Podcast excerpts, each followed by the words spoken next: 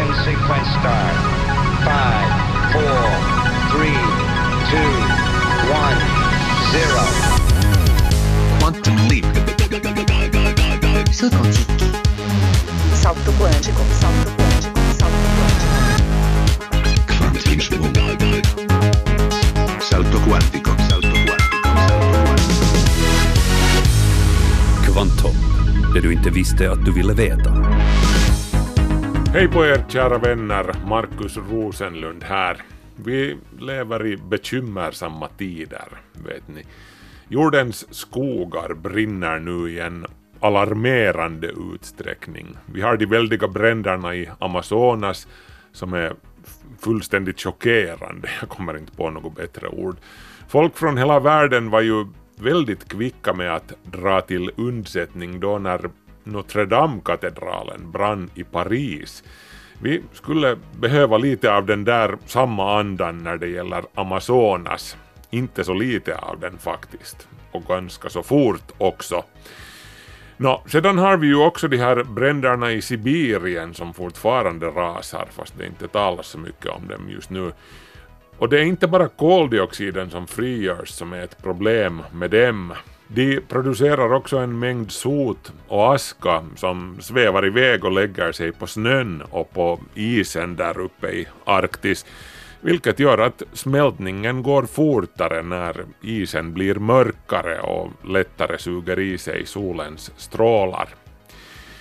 Nåja, hur dystra de här nyheterna än är så ska vi faktiskt inte tala desto mer om det i, i dagens program. Vi ska rikta blickarna mot en planet där det är ännu eländigare ställt. Och den här gången har vi ingenting med saken att göra faktiskt. Jag talar om Mars. Vi ska ägna en stor del av det här programmet åt att fundera på den röda planeten. Hur realistiskt är det att vi någonsin kommer att åka dit? Eller rent av kolonisera Mars? För Mars är, som vi ska höra, en riktigt ruskig planet som ingen med ens lite vett i huvudet vill bo på, om man frågar mig. Men det ska inte heller bara handla om Mars i det här programmet. Efter notiserna ska det också handla om artificiell intelligens, eller AI, som Finland nu borde satsa hårdare på för att inte hamna på efterkälken, enligt vissa experter.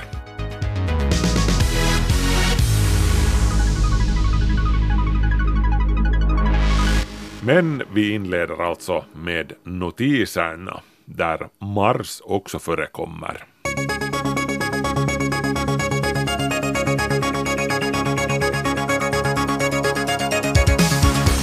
Vi måste atombomba Mars, tycker Elon Musk, den amerikanska entreprenören och miljardären, ni vet SpaceX, Tesla och så vidare. Musk är ju lite som Donald Trump i det här avseendet. Han får en idé och mycket snart så twittrar han hej vilt om saken. På sistone har han alltså twittrat om att vi borde atombomba Mars polarregioner, närmare bestämt, Eh, vilket skulle smälta isen som finns där och koldioxidsnön också. Eh, det här tänker sig Musk skulle utlösa en växthuseffekt som skulle göra den röda planeten lite varmare.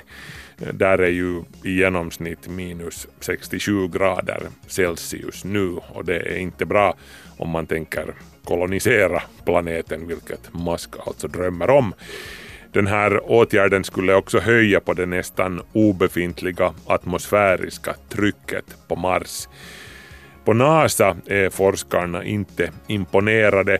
Det finns på tok för lite koldioxid på Mars för att man ska kunna skapa den här effekten som Musk är ute efter, menar de. Förnybar energi och elbilar håller på att nå punkten där fossila bränslen inte längre kan konkurrera inom transportsektorn. Det här enligt en färsk rapport från banken BNP Paribas. Eh, Mark Lewis, BNP Paribas chef för hållbarhetsanalys, konstaterar att oljan redan nu har svårt att hävda sig som ett alternativ inom mobilitet och det här kommer att bli ännu mer markant i den nära framtiden. Lewis citerar bland annat flera biltillverkare som säger att prisparitet mellan elbilar och traditionella bränslebilar snart kommer att uppnås. Han säger också att om vi i dagens läge skulle bygga upp hela energiinfrastrukturen från noll så skulle oljan inte ens finnas med i startfältet också utan miljöaspekten. Olja är för dyrt och för bökigt jämfört med sol och vind helt enkelt. Den nya kärnreaktorn i Olkiluoto är ju som vi vet kraftigt försenad. Den borde ha tagits i bruk 2009 men som det nu ser ut så blir det start tidigast i juli nästa år. Men som Teknika ett Talaus skriver, det här är ju inte så exceptionellt när vi talar om kärnkraftsbyggen. Rekordet för försenat kärnkraftsbygge innehas av kraftverket Watts Bar i USA. Byggandet inleddes 1973 men färdigt blev det 1996, alltså 23 år senare.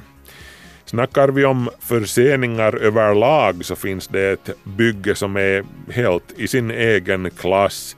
Naturligtvis talar jag om basilikan Sagrada Familia i Barcelona ritad av Antoni Gaudí. Den började man bygga 1882 men den är ju långt ifrån färdig än i denna dag. Kanske 80 procent eller så har man byggt. Men så är det ju att bättre sent än aldrig. Så ännu en notis från rymden. Det supermassiva svarta hålet i Vintergatans centrum, Sagittarius A-kärna som det heter, har blossat upp ovanligt kraftigt på sistone. Keck-teleskopet på Hawaii noterade att Sagittarius lyskraft ökade med över 75 gånger det normala under en kort period i maj nu i år. Exakt vad det är som orsakade uppblossandet det vet forskarna inte, men det kan ha berott på en stjärna som passerade hålet på nära håll i fjol. Svarta hål de lyser ju inte av sig själva, men gaserna och den övriga materian som virvlar runt hålet hettas upp kraftigt när de genomgår sin dödsspiral på randen till själva hålet och då verkar hela hålet lysa liksom. Vi här på jorden behöver hur som helst inte oroa oss över det här. Sagittarius A-kärna befinner sig på mer än 25 000 ljusårs avstånd från oss.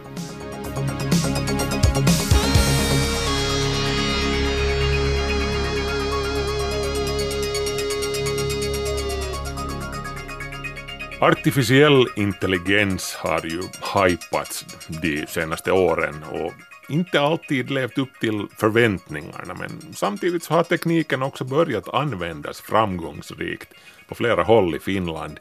Till exempel hos företag som hanterar stora mängder data.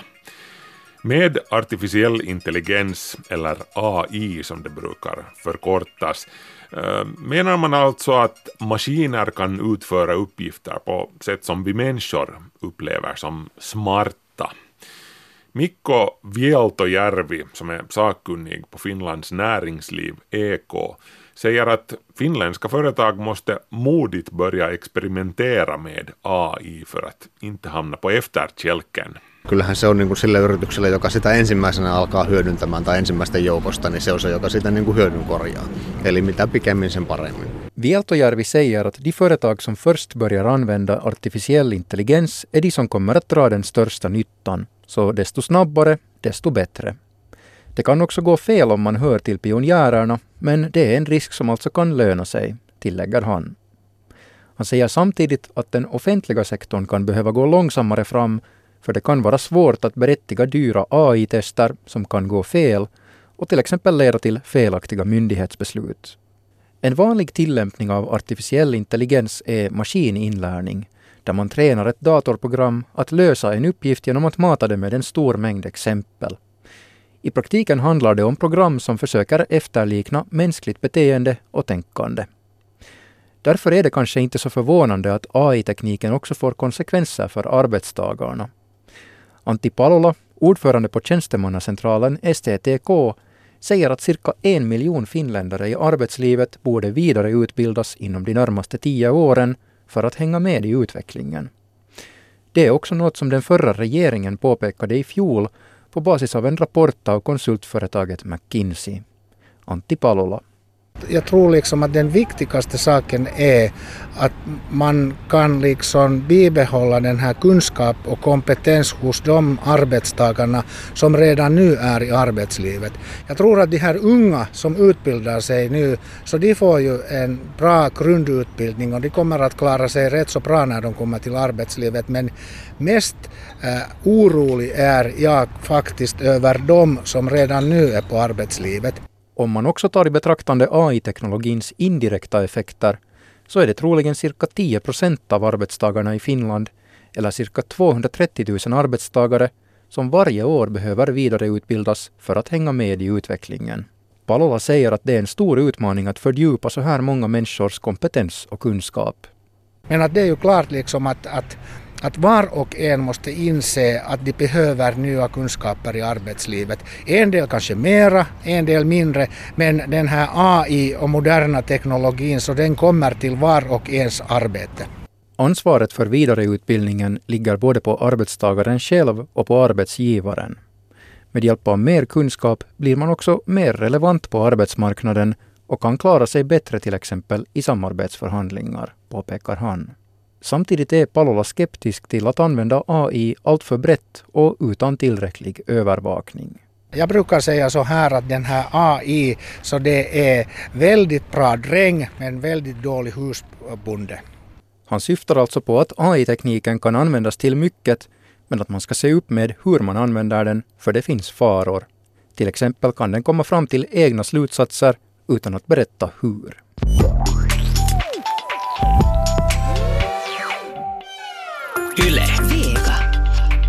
Vår reporter Niklas Fagerström har också träffat Osmo Kuusi. Han är docent i framtidsforskning och innovationsforskning. Kuusi har också varit en långvarig rådgivare vid riksdagens framtidsutskott i cirka tio år. Osmo Kuusi han förutspår att vi kommer att behöva någonting som han kallar stödintelligens för att klara oss i samhället, senast om 20 år. Men först konstaterar han att det inom de närmaste åren kommer att finnas många olika men begränsade sätt att använda AI på. Voidaan esimerkiksi koota tällaisia tietoaineistoja, joiden pohjalta sitten tekoäly tekee jonkinlaisen johtopäätöksen Det kan till exempel handla om att samla ihop en hel del datamaterial och sen dra slutsatser på basis av det, berättar Osmo Kuusi. Han nämner Migrationsverket som ett exempel. De har prövat på att använda AI-teknik när de hanterar uppgifter om invandrare som vill ha uppehållstillstånd. niillä omilla logiikallaan sen tekoälyn tehdä jonkunlainen johtopäätös siitä, että onko, olisiko myönnettävä Ett uppenbart användningsområde är att samla ihop information om den asylsökande och sen låta AI-systemet dra en slutsats kring om personen borde få uppehållstillstånd eller inte, säger Kuusi. Ett annat exempel är att ett AI-system i realtid kan analysera data om en patient på ett sjukhus och larma om den ser något i hälsotillståndet som innebär att en läkare borde ingripa. Kuusi tror ändå att en människa i de flesta fall kommer att se till att det som datorn föreslår verkar vettigt. Ja juuri sen takia itse olen hyvin paljon lanseeraan tätä tukiälykäsitettä, joka tarkoittaa sitä, että, että se tekoäly itse asiassa aina toimii yhdessä ihmisen kanssa. Därför har jag försökt lansera ett begrepp som jag kallar för stödintelligens, som innebär att den artificiella intelligensen samarbetar med en människa, säger han. Han tillägger att vi i Finland borde satsa på att utveckla sådan här AI-teknik som gör det lätt för oss människor att till exempel samtala med AI. Han hoppas att regeringen ska satsa på att finansiera det här på lång sikt.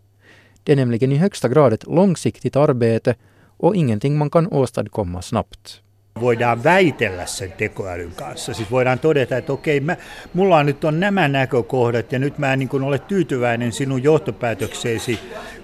Målet är att man ska kunna föra avancerade diskussioner med AI-systemet. Till exempel skulle man kunna framföra att man inte är nöjd med dess slutsatser i en viss fråga och kunna be det att berätta hur det har kommit fram till dem, säger Kuusi. Han tillägger att varje finländare i framtiden borde kunna få en sådan här stödintelligens som skulle kunna göra en massa olika saker för oss. Men vägen till det här är alltså lång. I dagens läge är det svårt för AI-system att resonera och kunna berätta hur de har kommit fram till vissa resultat och det är svårt för dem att förstå vad en person verkligen menar. Man kan nog samtala med AI-system såsom Amazons Alexa, Googles assistent och Apples Siri, men de kan inte resonera och svara särskilt väl, särskilt inte om man har en mer ovanlig eller mer avancerad fråga. Ne vastaa nyt sitten mitä vastaa. Usein tietysti täysin niin kuin epärelevanttia myöskin. De svarar lite hur som helst och enligt vad de har programmerats att svara. Ofta är det också helt irrelevanta svar, säger han. Men varför skulle man alltså behöva utveckla stödintelligens i Finland? Och varför skulle vi finländare behöva använda oss av sådan här teknik? Uskon, että, että, että tavallaan on hyvin vaikea tämmöisessä monimutkaistuvassa maailmassa eh, selvitä ylipäätään.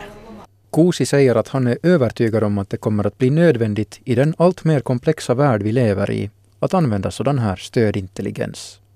Han förutspår att det redan om 20 år kommer att bli svårt att klara sig annars om man inte har sån här teknik att falla tillbaka på. Ett annat problem Kuusi ser med nuvarande AI-system är att de oftast är gjorda av kommersiella företag. Voitko sä luottaa sen ikään kuin, että se toimii niin kuin ikään kuin sinun puolestasi tai että se niin kuin ajattelee sinun parastasi? Kan man lita på att den fungerar för dig och tänker på ditt bästa, funderar han. Han tillägger att stödintelligensen inte borde ha någon kommersiell baktanke om att till exempel sälja produkter eller sälja ens privata data. Systemet borde alltså respektera användarens privatliv. Enligt Kuusi skulle det vara bättre om en pålitlig aktör eller användarna själva hade kontroll över sina stödintelligenser. Vilken den här pålitliga aktören skulle kunna vara tar han ändå inte ställning till. Han konstaterar ändå att det kan finnas risker med att låta staten få den här informationen, särskilt i länder som är diktaturer, eftersom det skulle ge staten massvis med information om medborgarna, information som kan missbrukas. Men vad innebär det här då i praktiken? Kuusi säger att två grupper som i ett första skede kunde få stödintelligens skulle kunna vara ungdomar som är på väg att flytta till en ny, flytta till en ny ort för att studera och familjer som genomgår en skilsmässa. Jo, jolloin niin tulee tämmöisiä sosiaalisia kysymyksiä, kuinka hoitaa tämä tilanne, kun on, on ja kuinka hoitaa suhteita avioero lapsiin ja de kunde få hjälp med hur de ska klara av sin nya livssituation. Till exempel kunde de som har varit med om en skilsmässa få veta hur de kunde hantera förhållandet till sina barn och så vidare, säger Kuusi. Han säger att också personer som nyss har pensionerat sig kunde ha stor nytta av ett sådant här system. sen pitäisi niin valmistautua siihen, että tulee ongelmia. AI-systemet måste kunna förebygga problem och måste därför börja användas i ett tidigt skede under livet, till exempel innan man eventuellt får sämre minne, förutspår han. Mikko Vieltojärvi som är sakkunnig på Finlands näringsliv EK gillar Kuusis idé om stödintelligens och håller med om att AI-utveckling behövs i Finland, men säger samtidigt att vi också borde köpa in AI-lösningar från utlandet. Jos me niin kuin kuvitellaan pystyvämme kilpailemaan niin kuin Kiinan tai Yhdysvaltojen kanssa siitä resursseilla, että kuka tekee niin kuin enemmän tutkimusta, niin tiedetään, että miten siinä käy. Om vi tror att vi kan konkurrera med Kina och USA om vem som forskar mest i artificiell intelligens så tror vi fel. Det handlar om global verksamhet och vi måste dra nytta av det som görs på annat håll, alltså det man har uppfunnit i andra länder, säger Vieltojärvi.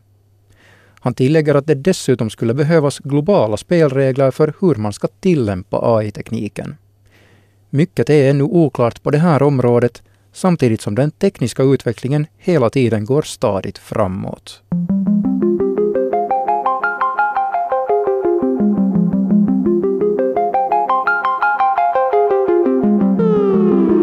Niklas Fagerström var det som var reporter i det inslaget. Och nu är det dags att byta ämne ganska så totalt. Faktum är att vi ska inte bara byta ämne, vi ska till och med byta himlakropp.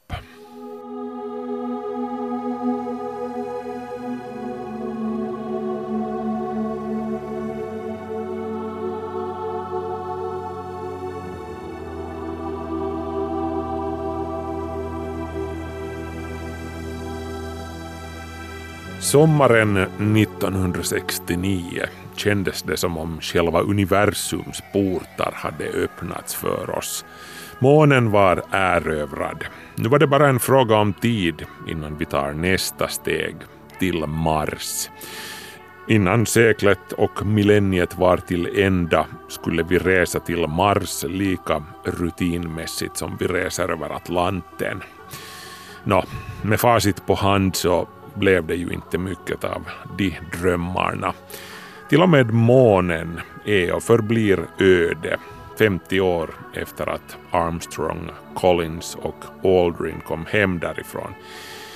I ärlighetens namn så var det nog inte en erövring. Det var en visit.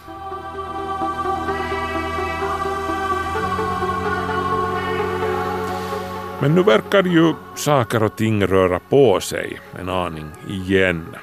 Det viskas om ett nytt space race. USA, Kina och Indien talar kaxigt om bemannade expeditioner, rent av permanenta baser på månen. Och naturligtvis finns ju också Mars högt på agendan. SpaceX-bossen Elon Musk presenterar med jämna mellanrum sina skisser på större och större bärraketer och farkoster som ska ta oss först till månen och sedan till Mars. Musk har själv sagt att hans dröm är att dö på Mars. Dock inte i samband med landningen, påpekar han.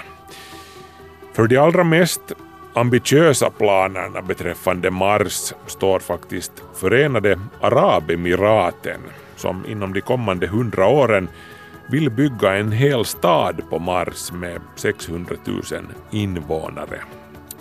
Men hur sannolikt är det här att vi kommer att uppleva någonting sådant under de följande två, tre generationernas livstid?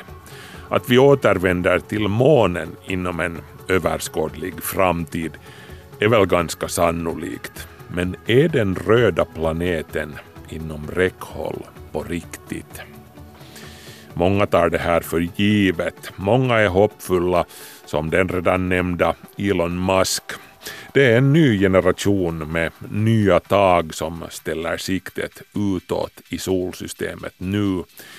Och då är det inte nödvändigtvis de gamla statliga rymdorganisationerna som NASA och Roskosmos som går i täten, utan de privata aktörerna, entreprenörerna, äventyrarna.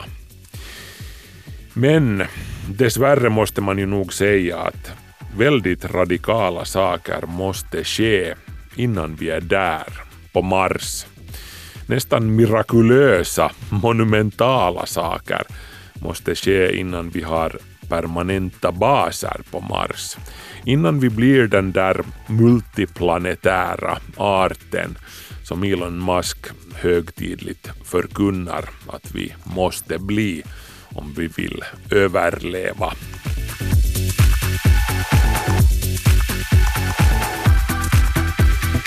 Hur mycket jag än önskar att vi kunde säkra vår fortlevnad som art genom att placera våra ägg i två korgar istället för en, så att säga, jorden och Mars, så är sanningen nämligen den att, eh, ja det är ju alltså som Elton John sjunger i låten Rocket Man.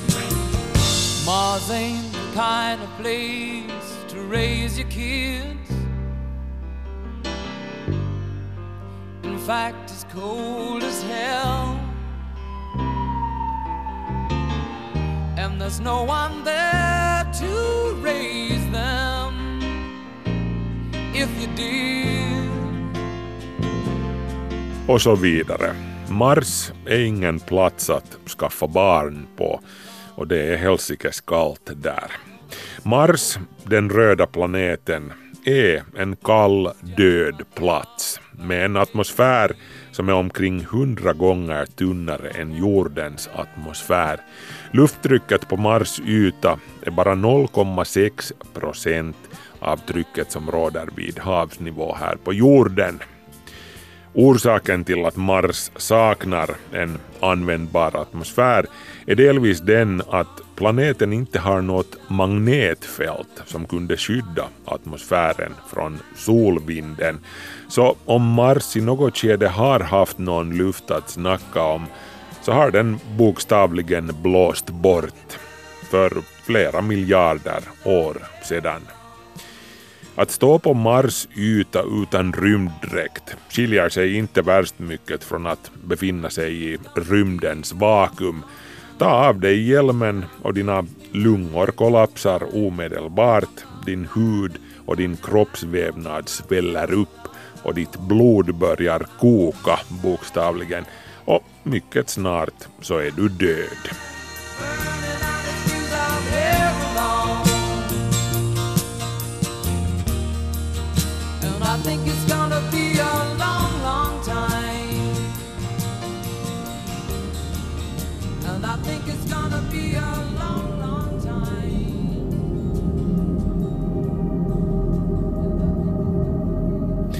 Den ynkliga atmosfär som Mars har numera består mestadels av koldioxid och den är inte ens nära på tjock nog för att åstadkomma någon växthuseffekt att snacka om. Därav alltså kylan som Elton John sjunger om. Den genomsnittliga temperaturen på Mars är minus 63 grader Celsius och när det är som kallast så kan det bli minus 126 grader Celsius. Jämfört med jorden så, tja, den kallaste temperatur som officiellt har uppmätts med termometer här på jorden är minus 89 grader Celsius. Rekordet är från 1982 och platsen var Vostokbasen på Antarktis. En oskyddad människa drabbas av hypotermi inom 5 till 7 minuter då kvicksilvret kryper ner inte längre än till omkring minus 40 grader. Hur som helst, det är betydligt kallare på Mars än det är på Antarktis. Och ändå har vi bara spridda baser på Antarktis, ingen permanent närvaro alls där. Och då kan man ändå andas luften på Antarktis som sådan.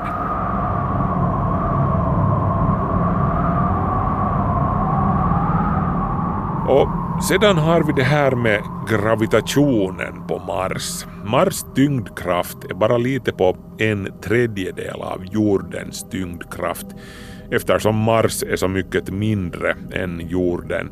En person som på jorden väger 80 kilo väger bara drygt 26 kilo på Mars.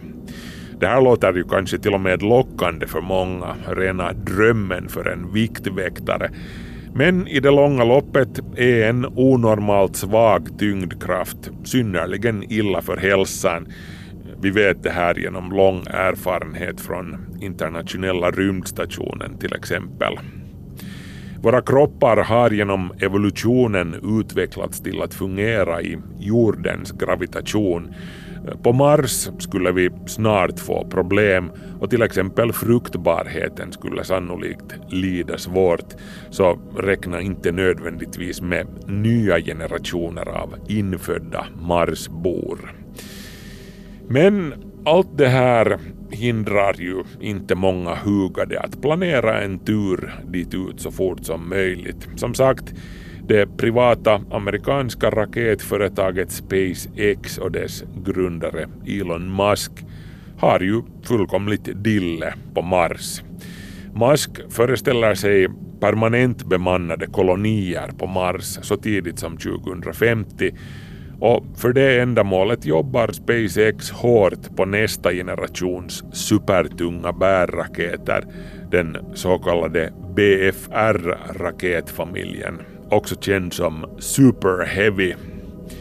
den 118 meter höga BFR som ursprungligen gick under beteckningen MCT, Mars Colonial Transporter, Mars-koloniskeppet. Den här raketen blir då den står på startplattan i sinom tid till och med större än Saturn 5, raketen som lyfte Apollo-astronauterna mot månen. BFR och själva passagerardelen Starliner ska enligt planerna provflygas 2020 och en bemannad flygning runt månen i Apollo 8s anda planeras till 2023. BFR kommer alltså i princip att ha kapacitet för resor till Mars. Det är därför den byggs. Och på sin webbplats hävdar SpaceX att en obemannad flygning till Mars ska ske 2022 och att den första bemannade resan ska äga rum två år senare. Nåja, med tanke på Elon Musks kroniska tendens till överoptimistiska tidtabeller så lönar det sig hur som helst definitivt att ta det här med en nypa salt. Däremot så är det ju ganska sannolikt att vi kommer att se människor på Mars förr eller senare, åtminstone för en visit eller två. Kanske också rent av på semipermanenta baser. Så till den milda grad har vi fått det här med Mars på hjärnan.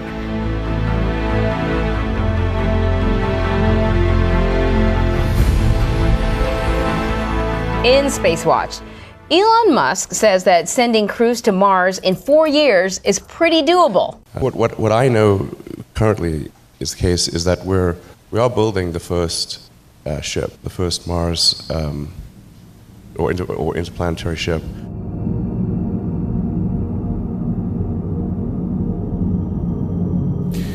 Men tanken på en bestående närvaro på Mars, till och med hela kolonier eller till och med städer på den röda planeten, det är och förblir science fiction under en överskådlig framtid, tror rymdingenjören Louis Friedman, en av grundarna av Planetary Society i USA.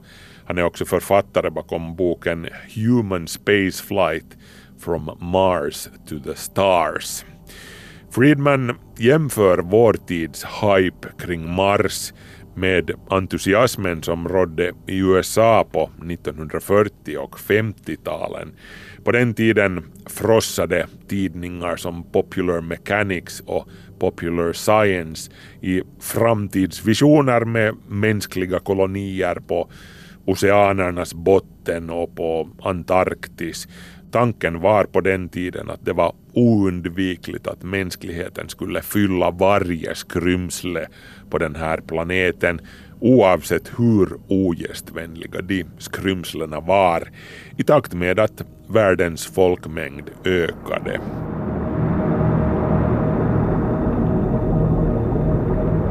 Men så gick det ju inte som vi vet. Vi har ju som sagt enstaka baser på Antarktis. Vi besöker Antarktis då och då, men desto mer blev det ju inte av det. Kolonierna på havsbottnen har det föga överraskande blivit ännu mindre av, trots att det ur en rent teknisk synvinkel åtminstone inte skulle vara omöjligt att förverkliga i praktiken. Louis Friedman själv hörde till dem som sveptes med av månoptimismen i slutet av 60-talet. Också han trodde att vi skulle gå från klarhet till klarhet, från månen vidare till planeterna, inte minst till Mars. Men återigen, faktum är att ingen ens har lagt två strån i kors för att förbereda någonting sådant. Rymdracet tog slut i och med att Apollo-astronauterna kom hem från månen och något seriöst arbete med att förbereda kolonier på någon annan himlakropp har ingen ens börjat ta itu med. Man ska inte glömma att livet på Mars, om vi nu utgår från att vi ska dit och att vi ska stanna där, Det här kräver oerhörda förberedelser av orsakerna som jag var inne på i början av det här inslaget. Mars är en eländig, kall, deprimerande planet. Vi behöver en oerhörd satsning på infrastruktur om vi ska tänka oss en längre vistelse på den röda planeten. Sätt att producera föda och fixa vatten. Sätt att skydda oss från den hårda kosmiska strålningen och mot den svaga gravitationens skadliga effekter på människokroppen med mera, med mera. Louis Friedman han tror också för sin del att baser på Mars nog blir verklighet förr eller senare, sannolikt senare. Men erfarenheter från historien lär oss att kolonier på Mars inte är sannolika inom den överskådliga framtiden. En annan expert som ställer sig kritiskt till mänsklighetens framtid på Mars är den brittiske astrofysikern och kosmologen Martin Rees, Astronomer Royal sedan 1995. Rees leder också Trinity College i Cambridge. They won't be normal people, they'll be crazy adventurers who are prepared to accept the high risks and also live in an environment far more hostile than the top of Everest or the South Pole. Boken On the Future Prospects for Humanity opponerar sig Rees mot sin forna kollega Stephen Hawking som personligen var en övertygad anhängare till tanken på Marskolonier och det så fort som möjligt. Det är en farlig missuppfattning menar Rees att vi skulle lösa några problem genom att åka till Mars. Vi måste fixa våra problem här hemma innan vi åker någonstans. Space is not a place for normal people. That's why I strongly disagree that there should be mass emigration from the Earth to save us from the Earth's problems. We've got to solve those problems here. Dealing with climate change is a doddle compared to terraforming Mars. It's a dangerous delusion to think that we can escape Earth's problems by going to Mars. There's no planet B. Att få bukt med klimatkrisen kan tyckas vara en enorm utmaning, skriver Rees. Men det är en picknick i parken jämfört med att omvandla Mars till en miljö där vi kan leva. Terraformering kallas det här. Det finns helt enkelt ingen plats i solsystemet, inklusive Mars, som kan erbjuda förhållanden som går att jämföra ens tillnärmelsevis med dem vi har här på jorden, ens med Antarktis eller toppen på Mount Everest. Det är som det brukar stå på klimatdemonstranternas banderoller. Det finns ingen planet B. Det gör det inte. Inte i det här solsystemet i alla fall. Det har Martin Rees fullkomligt rätt i.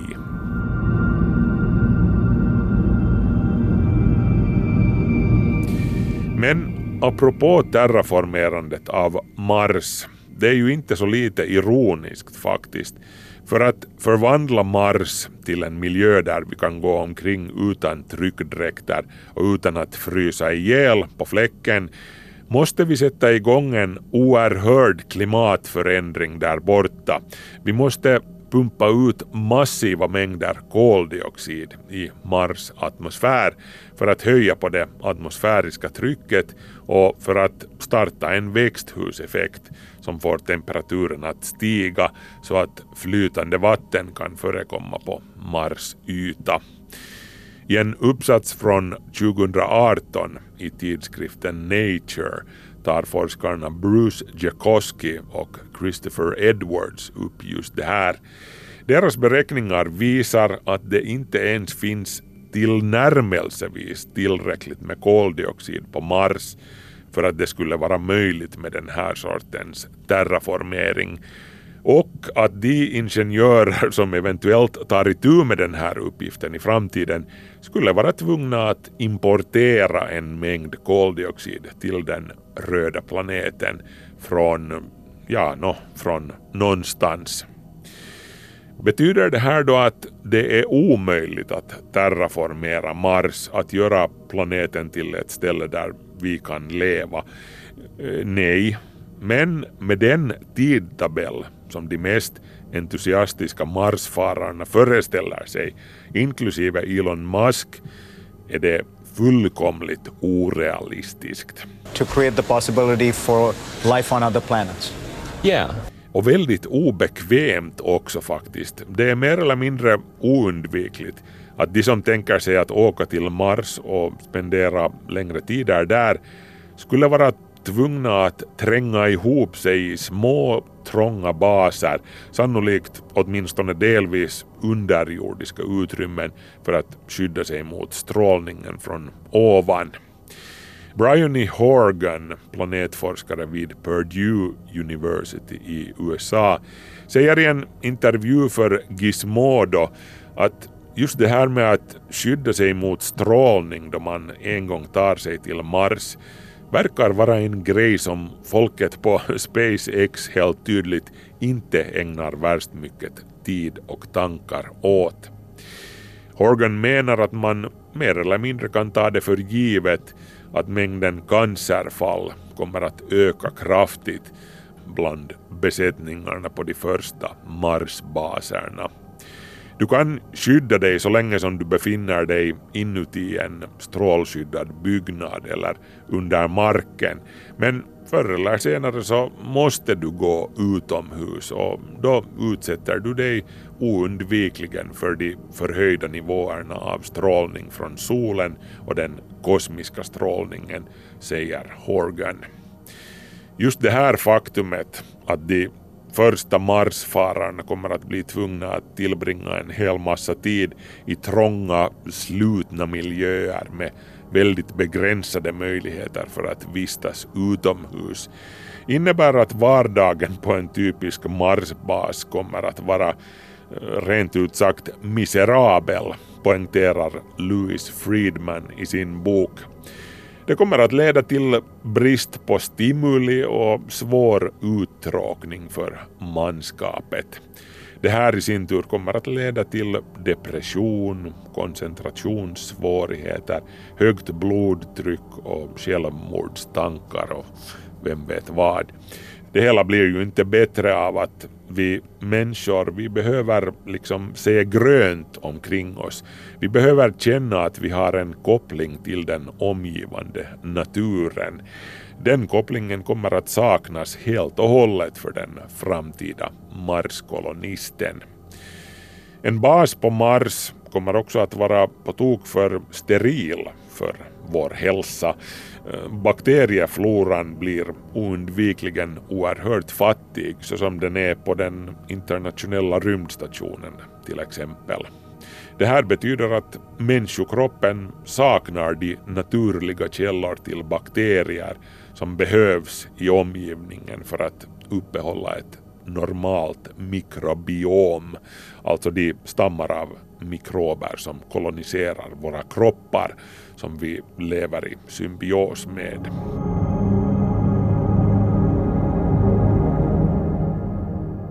Och så är det ju det här med födan.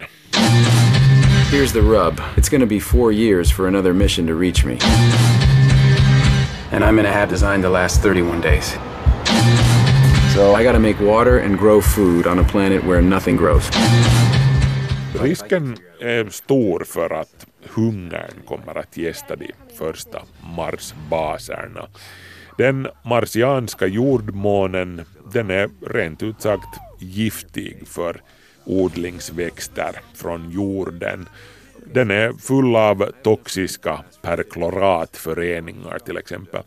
Det skulle kräva att man rustar upp stora hydroponiska odlingsanläggningar, sådana där man odlar utan jord, direkt i vatten, som innehåller upplöst näring och mineraler. Allt det här kräver energi, det kräver växter som är eh, genetiskt modifierade för att klara av förhållandena på Mars. Det kräver konstgjord belysning i stor skala och det kräver vatten i enorma mängder, självklart. Vatten det finns i form av is då under marken uppe nära polerna på Mars. Det här vet vi, men vem vill bo där? Eh, precis som på jorden är de marsianska polarregionerna kalla och mörka med långa, eländiga, tråkiga vintrar. Och en Marskoloni skulle ju alltså i det långa loppet mer eller mindre vara tvungen att bli självförsörjande, både beträffande vatten och mat. Eh, med tanke på att närmaste snabbköp finns på 55 miljoner kilometers avstånd på jorden.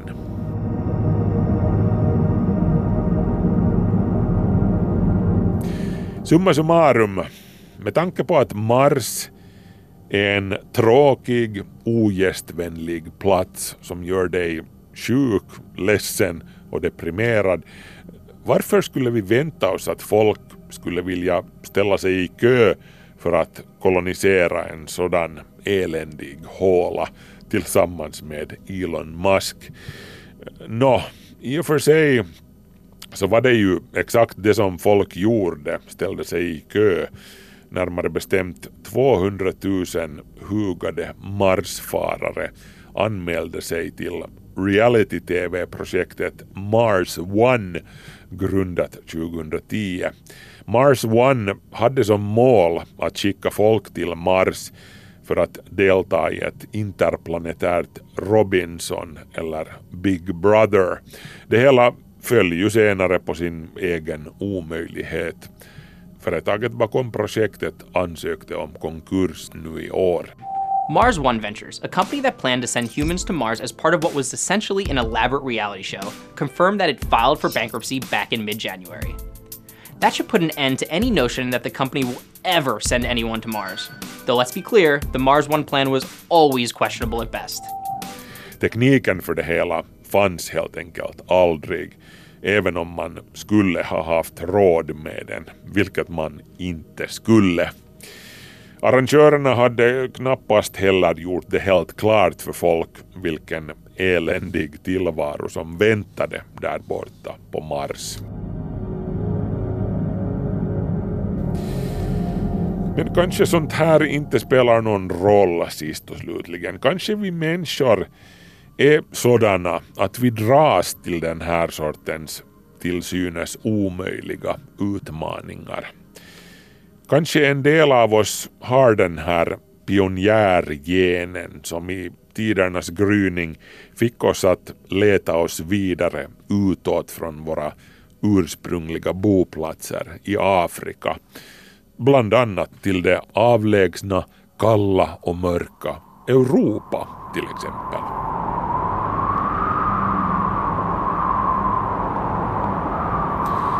Kanske vi inte rår för det. Kanske det till och med är så att ju mer experterna säger åt oss att är du från vettet, du går ju en säker död till mötes, desto mer fast beslutna blir vi att vi måste åka. Kanske det dessutom går så att de som sist och slutligen åker till Mars och koloniserar den röda planeten inte ens är människor i den bemärkelse som vi tänker på människor. Som Martin Rees, Astronomer Royal i Storbritannien, skriver i sin bok uh, Framtidens rymdkolonister är kanske post-human, postmänsklighet. Människor som själva är så modifierade genetiskt för att stå ut med rymdens krävande förhållanden att de inte ens kan räknas som Homo sapiens längre utan de har blivit till en helt ny gren på det mänskliga släktträdet. Kanske, men då är vi inne på science fiction.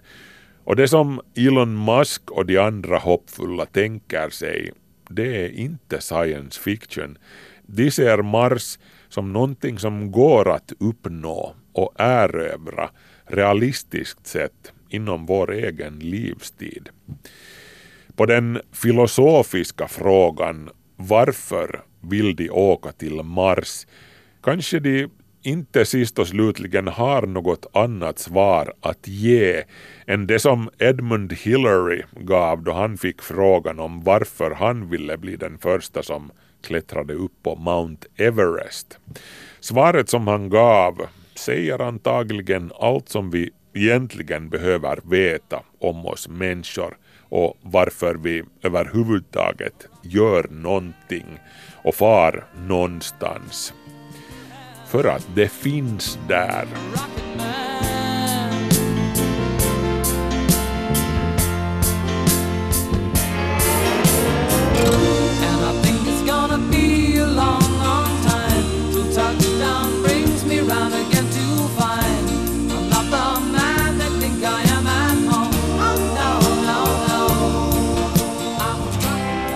Kvanthopp är nu slut för den här veckan. Tack för sällskapet säger jag som heter Markus Rosenlund. Vi hörs om en vecka. Ha det så bra. Hej så länge.